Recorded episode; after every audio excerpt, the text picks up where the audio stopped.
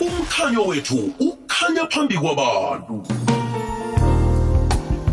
ngelesibili ehlelweni sidishile siletha umndeni sikhulume ngendaba ezithinda thina ngombana kuqakatheke khulu kwamambala bona sikwazi ukuthuthukisana sibe yinyanda yinye sibumbane. Namhlanje si ngithe angibawe ubaba uvusi wakwarhadebe ovela ngedelmas lapha ehouse of fire ministries. Ngibone banomsebenzi omuhle abawenzako emphakathini wangedelmas. Ngabona kukuhle bona sithinde lelo hlangothi elenziwa bobaba. Ba ba babeke umsebenzi omkhulu kulipela veke siyakiyo yokuhlanganisa nokubuthelela eh abantu bembaji. Wonke umuntu wembaji ubaba amasokana babe ndawonye. Ukwenza labona ke bakwazi ukukhuluma ngenhlungu. Ngenhlungu ezithwelwe babantu eh bembaji abantu abaduna abantu ababobaba. Ngenxa yokuthi abanye sikhula ngaphakathi kwepilo leyo eh ukusuka ebuncanini bethu bese kungabi nokulungiseka kobuhlungu lobo okhula ngaphakathi kwawo. Bowuqine ube yindoda mbala bekufika lapha uthatha khona uba ngibaba usakhamba nobuhlungu lobo bowukufike lapha nawe ubudlulisela ebantwaneni bakho eh abaduna bamasokana eh nabo ngokwabo bokuthatha lobo buhlungu lobo bakukhambe nabo. Namhlanje si ngiletha ubaba uhadebe ukuzokwizwa eh ngomongo abawubekileko kilikulumo yokuthi bafuna ukuthi baphadle bebahlukanise liketani yenhlungu abantu bembaji. Abaphila ngaphakathi kwayo. Ngibone kumsebenzi omuhle ukuthi siyikhulumise lento izasiza ngokwemiphakathi ehlukahlukeneko. Babuhadebe ngiyakulotshisa ngiyakwamukela. Ngiyakulotshisa bobo eh nabalaleli bonke eh bomhatsho ikwekwezi FM ngiyathokoza nethuba futhi ongipha lona namhlanje mini ukuba ngizokhuluma nawo wonke umuntu nasoke isitshaba esilaleleko namhlanje. Ngiyathokoza bo bekuzaba zinhloni kimi babuhadebe ngibona into ehle eyenzeka emphakathini ngiyeqisa amehlo. Ngiyaziwa-ke ngokuthanda ukwakha begodu nokuthi sithuthukisane empilweni. Ngibone kukuhle bona ngikubandameze eduze ukuzosazisa bona niyi-house of fire ministries nenzani ngapho ngedelmas? Ngiyathokoza bo eh bobo eh njengoba uchilo umgcibelo lwesiya kuyo ngomhla ka-24 september 2022 sizabe sinocimbi la la sihlanganisa khona amadoda nabo bonke abantu bembaji nabancane. La sizobe sikhuluma khona ngezinto eziyama-challenges nobuhlungu abantu besilisa abaqalene nabo. Okungasikho-ke umnqopho wethu ukuvusa ubuhlungu ngaphakathi kwabantu kodwa ukuvela nezinto ezingaba yisisombululo. So sithe masiqala sabona ukuthi ziningi izinto abantu bembaji abadlula kizo eh from eminyakeni emincane kuya kwabadala. So sabona kukuhle ukuthi ake sihlangane sibone ukuthi yini into engeke singayilungisa yini into esingayikhuluma ukuthi sisizane ukuya phambili. Ukuthi lento esihlungu esibonako kungabi yinto eqhubekako yes limi lesiyeni abathi it's a norm so ingakho sikhethe leli langa ukuba sibe nalo mhlangano engake sizoba nayo ngaphasi kwesihloko esithi breaking the cycle of pain. Yathokoza lo kwamambala babuhadebe kuzwakala kukuhle khulu lokhu okuvezako. Eh abanye bethu sikhule ngaphandle kwakababa. Eh ubaba khona phila anganandaba nokuthi ukhula njani ungamazi. Eh soyomazi somkhulu uzibuza ukuthi isikhathi sogesi ubaba musibeka ngibona nangidlula la kanti ekhaba ubaba kula eh uzibuza ukuthi kwenzeke njani lokho? Ukhula nenhlungu ezifana nalezo. Eh kesinye isikhathi uzwe kuthiwa ubaba kho wakwala wena wakulandula zange akuvuma nasisa umlando ekhabo. Eh namkha ubaba vela zange azinikele isikhathi sokuba kuwe. Uzibuza ukuthi ib- ubuhlungu lobu engikhula ngaphakathi kwabo yena ubaba ngokwakhe bekaphethe buphi ubuhlungu naye obumenze ukuthi enze into efana naleyo. Ngibeka isibonelo ngaleyo ndlela. Abanye abobaba imizi iphukile uhlukene noma ubaba uchingele uma uchingele abantwana bahlangahlangene bazi ukuthi bayenga inqa yangakumma ngenxa yangakubaba eh ngalokwalokho nobaba naye uthwele bakhe ubuhlungu bokuzibuza ukuthi kwenzakaleni ukuthi umzamo uphatheke ngalindlela. Ukuhlanganyela amadodana anawo abusiswe ngawo kulowo mtshato nawo ngokwawo amqale njenge-leader umdosi phambili ukuthi uthatha ziphi inqundo ngempilo wenza njani. Inhlungu zonke lezi zibetha phezu komuntu omduna. Ngilokho mhlambe babuhadebe niqalileko eh ngilokho eh njengoba ngikhuluma nawe ngingubaba nabantwana eh nabantwana bamasokana abayithu mm. yabona inhlungu engadlula kizo bobo angifuni ukuthi abantu abami badlule kizo. Kunezinto engadlula kuzo engifuna ukuthi ziphelele kimi zingadluleli kibo zingadluleli ngesizukulwaneni esilandelayo Mm. zingayazi nokuthi yake yabakhona into efana nayo. Mm. so siqala into ezifana nalezo futhi sizibheke kuma-level ahlukeneko. Uma ungaqala i- iheho lethu langomgqibelo noma i-line up esinayo asifokasanga nje e- endaweni eyi-one. Sineyikhulumo esinazo eh esizabe sinazo zikhuluma enye siqalise ngakwezempilo ngoba nalapho nabo lokho kunawo umthelela omkhulu futhi. Mm.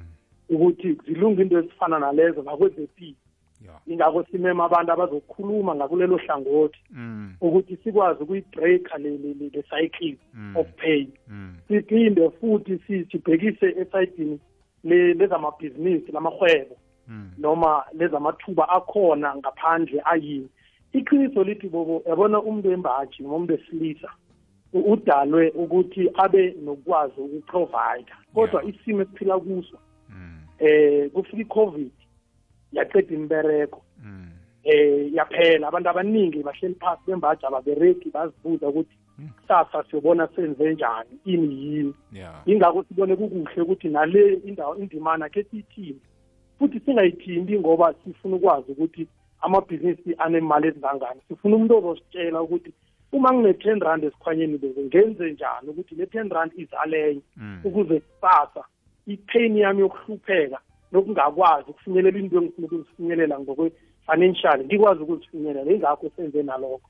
Phezu kwalokho eh ingqindezi ekhona iningi khulu eh kwabancane esikolweni kunokucindezeleka kunokucindezeleka emsebenzini eh e- e- ekubanga ubuhlungu yabona kukuhle futhi bobo ukuthi sisingenelele nakwi-motivation tholakale ukukhuthaza mm. kuyo lento yokuthi nanoma kunje kodwa akusiko kuphela kwempilo eh kukhona into ehle ngavela emntwini. Ya ngoba siyakholelwa thina ukuthi uma umuntu asaphila u- u- u- uNkulunkulu usuka nenjongo ngaye mm. so yilento le esifuna ukuyiveza kuwo wonke umuntu ophilayo na wonke umuntu ozoba khona nozwako wo idelmas ibonakala njengendawo engeqadi ke esikhathini esiningi. Abantu banokuyikhohlwa bayeqisa amehlo eh sikhumbula mhlokha nakukhulunywa ngegama delmas ukusakhela umkhanyo umphakathi unjani wedelmas abobaba mhlawumbe abakhona edelmas eh umphakathi nje ngokwawo.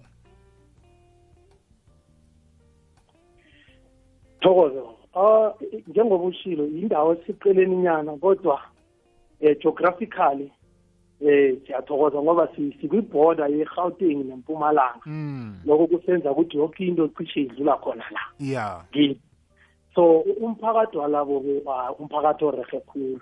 Mm njengoba ngisho nje i- sisurrounde izimayini sisurrounde maplasi. Mm eh into ezikhona la e- eDelmas ezisurroundile kodwa ngokomphakathi awasi sibabantu abarehe eh nathi sina sinentshijilo njengazo zo- njengayo yonke imiphakathi. So yingakho sithethe leli jima lokusukuma emva kokubona ama-challenges akhona kubantu bembaji abakhona la eDenmark. Ngoba sinabafowethu eh, esiphila nabo sinama-colleagues sinabantu esafunda nabo sihlangana nabo ebradini siyasibona isimo sempilo ya so ama-challenge akhona emadorobheni amakhulu nathi sinawo. Mm. Ingakho sibone kukuhle ukuthi akube khona into esiyenzako. Sihlanganise abobaba ke siyikhulume siyidembe siyibonisane sibize abantu abanolwazi nabazazi ngcono intwezi sibone ukuthi lobu buhlungu obukhona ngeke saba nendlela yokuphuma kibo na. Kwamambala. Babuhadebe-ke okhunye izinto ezifana lezi nazenziwa ngegama lebandla umphakathi hayi ucabanga ukuthi hayi into esondo into esondo kukaningi ngiyifundisa lento ebantwini ukuthi kaningi umakhiwo wesondo ungiwo okwazi ukusebenziswa ukuletha eh isizo emphakathini yethu. Nangakhe kube nesiwuruwuru kusale kujame umakhiwo wesondo sibangakhe siyokukhosela ngaphasi kwesondo lelo namkha ibandla eh ukuthi sikwazi ukuba nendawo yokufihla ihloko. Manje izinto nazenziwa mabandla emphakathini yethu singazozeqisa amehlo kaningi sithi hayi into esondo le abazikhulumela into zesondo mina ngisondi. Ungathini ngalokho? Eh engakusho bobo ukuthi yabona omunye nomunye umakhiwo wesondo okhona endaweni akusungwesondo abantu besondo la kungowomphakathi wonke ungowomphakathi wonke so ukwenza umbereko ngaphansi kwegama lesondo kukwenzela ubulula bokuthi abantu bakhona ukuthola ukuthi into le yenzeka kuphi yeah and ezinye indawo ezikhona e- emphakathini e- esiphila esikuyo zindawo ezibhadelwako mm. eh othi ukuthi mhlambe niba nama-challenges eh, eh,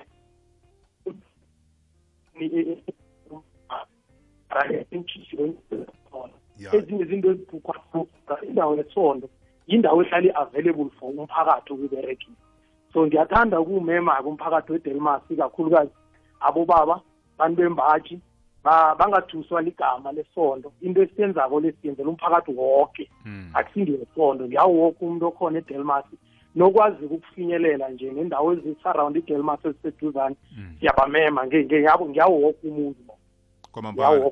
Si sikhumbuza-ke indawo naphi lapha edelmas eh, ngiyazi mhlambe kunama-extension kuneside ye-rdp kunebutleng kunegoma sakho nindawo naphi si silapha e-RDP extension eh 4 eh House of Fire e 6078 the number ethu silapho. Uma ungena nje eDelmas uya e-RDP extension 4 uzothola lapho.